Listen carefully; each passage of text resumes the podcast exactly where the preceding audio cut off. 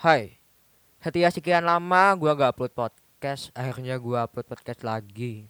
Karena gua kemarin dapat DM dari nggak tahu dari siapa. Dia suruh gua upload podcast lagi, apa pun ceritanya. Soalnya yang menarik, oke. Gak tahu siapa sih, tapi gue terima kasih lo udah mau ngingetin gua untuk upload podcast. Thanks ya bro. Kalian pernah gak sih temenan dari kecil dari umur 2 tahun sampai remaja udah 18 tahun kalian temenan dan itu adalah menjalin persahabatan. Jadi gue punya teman namanya itu adalah Dina. Dia orang Solo. Gue kenal dia karena dulu waktu gue umur 3 tahun gue pernah tinggal di Solo selama setahun gue kenal dia karena satu perumahan. Gue tinggal ke sana karena bokap gue pernah kerja ke sana ngambil tugas kerja ke sana selama setahun. Jadi gue tinggal di Solo. Gue kenal dia udah berapa tahun ya? Dua tahun sampai sekarang mungkin 18 tahun kalau enggak 17 tahun itu udah cukup lama sih. Tapi semenjak gua pulang ke tempat asli gua gua udah jarang banget ketemu sama dia. Gua ketemu sama dia paling setahun sekali karena ya kalau gua liburan gua mesti ke sana. Ya enjoy aja dapet temen. Si temen mungkin gue jangan nyebutnya temen kali ya sahabat aja lah si sahabat gue ini orangnya itu pendiam kagak aneh-aneh jarang ngomong. Dia mau ngomong sam dia paling mau ngomong itu sama ayahnya ibunya sama keluarganya kalau nggak sama gue kok teman sama gue karena gue yang paling deket sama dia. Dia itu maybe introvert. Ya lo tahu kan orang introvert kayak apa? Dia itu adalah cewek yang gak kayak cewek-cewek yang lain. Cewek yang kayak pendiam banget tapi nggak gimana ya nggak polos gitu loh. Pendiam tapi nggak polos. Lo bisa sebut kayak hal bukan tola tolo lah. Kalau di bahasa Jawa nggak tola tolo gitu. Dia orangnya pinter. Lebih pintar dari gua malah. Ya gue sih bodoh. Ya gue nggak nggak bodoh. Ya gue cuman sedengan lah. Tapi gue sama dia beda agama dan dia tuh sangat menghormati banget agama gue kemarin waktu puasa bulan lalu dia pasti ngingetin kalau gue itu nggak boleh makan minum harus rajin beribadah tiap waktunya dia waktunya tahu kapan gue beribadah kapan gue buka puasa kapan gue sahur pasti dia ngingetin gue dan dia adalah orang yang paling baik di hidup gue teman yang paling baik. Sebelumnya gue mau cerita dulu kalau tingkah laku gue itu bisa beda kalau lingkungannya itu beda. Jadi kalau di sekolah gue jadi orang yang introvert karena ya di sekolah itu tuh teman-teman gue itu pada sorry nih ya kalau teman-teman gue denger ya. Gue punya teman deket sih. Gue cuman deket sama itu dan gue lebih bebas ngobrolnya sama si teman deket gue itu. Tapi kalau sama teman-teman yang lain temen yang gak begitu gue kenal gue mendingan menghindar karena teman-teman di sekolah gue itu kayak kurang kurang terpelajar atau kurang gimana ya? Gue nyebut belajar juga salah sih kurang memahami kehidupan kurang memahami hati seorang lain gitu. Jadi kalau di sekolah gue introvert kalau di rumah gue lebih bebas. Gue bisa ngomong apa pun sama temen walaupun gue gak punya teman rumah. Gue bisa lebih bebas aja gitu kalau ketemu sama orang kalau di Solo gue malah lebih bebas lagi. Gue malah kayak orang yang terbuka kalau di Solo. Karena ya gue udah enjoy. Di perumahan banyak teman-teman yang mungkin sepemikiran sama kayak gue. Nggak aneh-aneh nggak agresif nggak ya kayak gitulah gak nakal. Gue nggak suka sama bad boy. Is a fucking banget sumpah oke lanjut ke ceritanya. Gue kenal sama dia 18 tahun. Oke udah clear. Tadi sampai mana sih? Uh, sorry gue lupa. Oke dia gue sama dia beda agama. Dia selalu ngingetin gue kalau buka puasa. Kadang gue juga ngingetin dia kalau di hari minggu lo harus beribadah juga harus ke gereja gitu kan. Kemarin hari Natal sempat gue selamatin bukan selamatin sih gimana ya? Sempat gue kasih selamat hari Natal gitu kan. Bahkan kalau lebaran pun kadang keluarganya dia itu nge video call gue selamat lebaran. Jadi kayak menghargai gue banget dan keluarga gue gitu. Tapi di suatu hari gue sama teman-teman rumah waktu itu gue umur baru 8 tahun.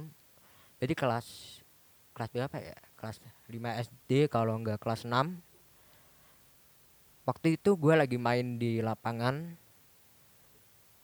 Dan pasti kalau di lapangan itu gue main sama tiga orang. Sama si Dina sama teman gue yang laki itu namanya adalah kok nggak salah siapa sih lupa gue namanya. Soalnya semenjak gue masuk SMP kelas 1 udah dia udah nggak ada gue dia sudah nggak ada di situ lagi sih. Gue keinget dia jadi agak gimana ini udah masuk SMP dia udah ngilang nggak tahu ke mana. Tinggal si Dina doang.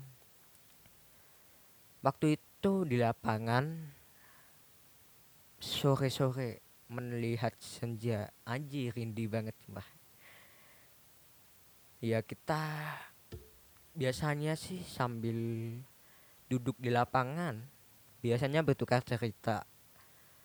Waktu itu ingat banget Dina itu cerita yang kesedihannya dia di sekolah karena dia nggak punya temen walaupun dia sekolah mencoba untuk terbuka tapi tetap aja walaupun teman-temannya nganggap si Dina itu menjadi temen tapi Dina nggak nganggap temennya Dina itu jadi temen. Gimana ya ngomongnya? Ya lu pahami sendiri aja lah. Intinya gitu gue cerita kalau waktu itu gue belum siap masuk ke SMP aslinya gue mau homeschooling tapi ya itu adalah orang tua gue ya nyuruh jadi gue ikut aja lah waktu itu gue belum siap banget masuk SMP gue kayak merasa kayak gimana ya?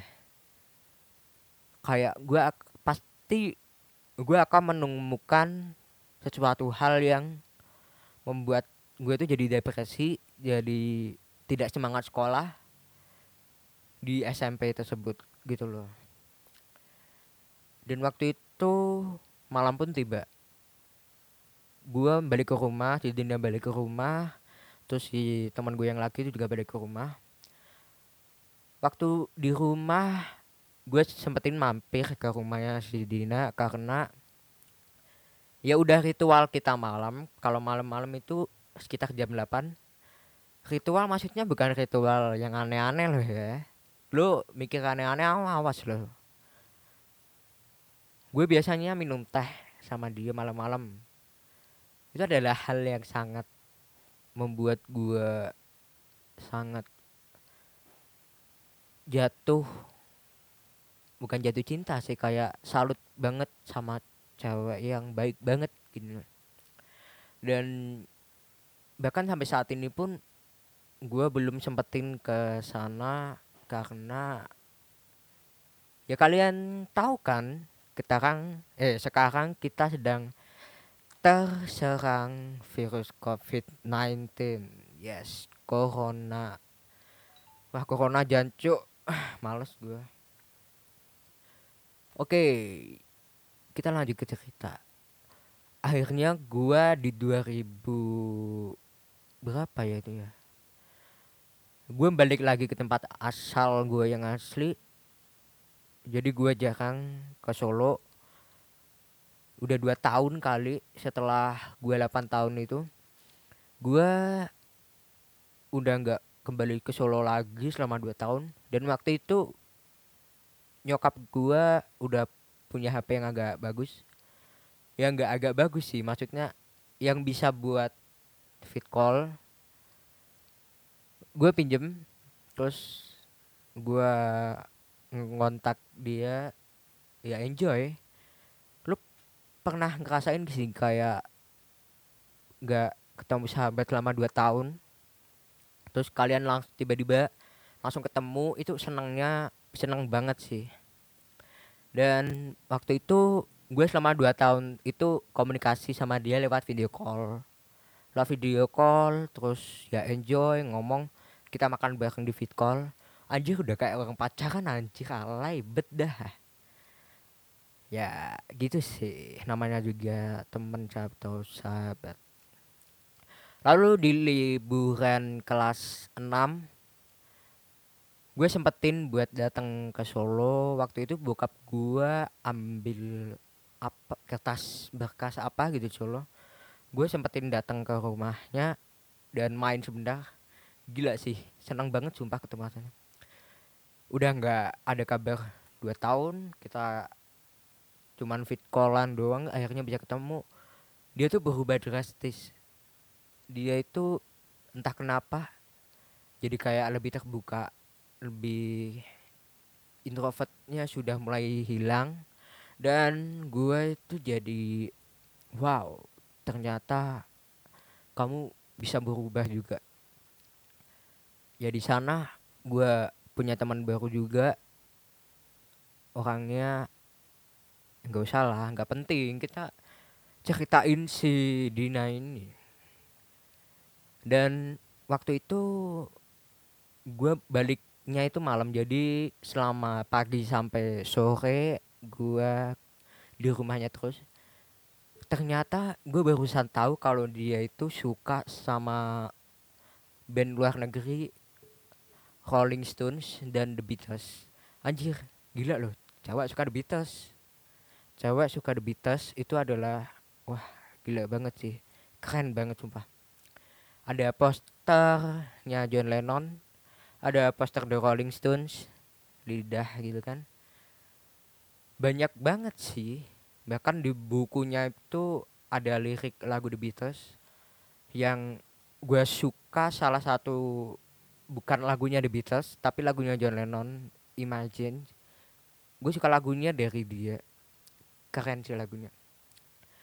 Gue sempetin nyanyi anjir gue kelas 6 lo tau gak sih? Teman-teman gue yang se SD sama gue gue kelas 6 waktu dulu tuh aneh banget sumpah. Gue dipandang orang tuh aneh. Ya aneh gitu kayak dianggap si gila. Anjir cuma masa-masa SD itu adalah masa-masa yang parah bagi gue setelah itu gue pulang ke tempat asli gue gue komunikasi sama dia lewat HP-nya nyokap gue lagi. Terus berjalan sampai kelas 2 SMP di kelas 2 SMP ini waktu itu lebaran gue datang ke tempat saudara gue di Solo. Di Solo gue juga punya saudara dan gue kelas 8 udah ada udah agak gede ya kan gue ngabarin si Dina mau main ke rumahnya. Gue di sana ketemu Dina juga sama keluarganya. Gue sendiri sih. Ya ketemu bokap nyokapnya kayak enjoy aja. Kayak ya udah biasa kan ketemu sama nyokap nyokap. Terus gue ngomong-ngomong sama Dina di luar di taman rumahnya ada taman. Gue sering banget kalau ke rumahnya pasti gue ngobrolnya di situ. Biasanya kalau sama Dina gue ngobrolin bertukar tentang kehidupan. Kehidupan alam kehidupan dunia memahami satu sama lain. Dan itu sangat membuat kita bisa jadi berubah. Dan akhirnya lebaran selesai gue pulang ke rumah. Gue waktu itu udah punya HP jadi gue komunikasi sendiri. Hmm, di kelas 9 ini gue dia mulai mengungkapkan perasaan ke gue dia kemarin sempat menghubungi gue lewat telepon. Waktu liburan musim corona ini dia ngubungin gua kayak mengungkapkan isi hatinya selama 17 tahun. Dia ngomong ke gua kalau sebenarnya selama 17 tahun ini gua udah nganggap lo kayak saudara sendiri tapi kadang gua nganggap lo kayak pacar gue gitu. Dia ngomong kayak gitu terus gue cuman bisa ngomong gini deh.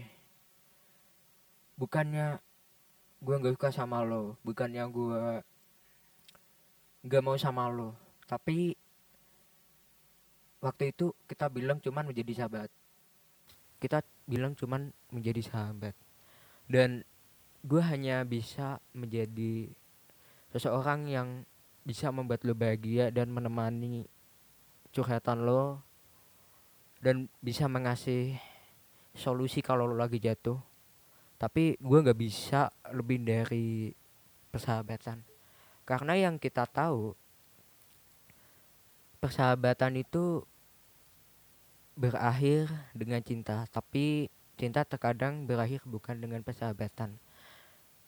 Gue lanjutin ngomong gue nggak mau dengan cinta persahabatan gue hancur sama lo. Jadi gue sorry banget nih ya bukan yang gue nggak suka sama lo. Tapi gue nganggap lo tuh udah kayak saudara gue sendiri. Bahkan nyokap bokap lo udah nganggap gue itu anak sendiri friendzone. Ini kayaknya bukan friendzone ya? Sorry ini bukan friendzone ya? Kok friendzone itu dianggap temen? Ya jadi intinya adalah bersahabat ya bersahabat. Yang seperti yang katakan tadi persahabatan pasti berakhir dengan cinta. Tapi kalau kita udah terlanjur menjadi cinta dan kita putus bahkan persahabatan itu bisa hilang selama 17 tahun itu adalah eman-eman ban banget sih Oke guys, terima kasih udah dengerin podcast gua. Mungkin sampai sini dulu ceritanya. Gue bakal lanjutin di episode selanjutnya. Bye.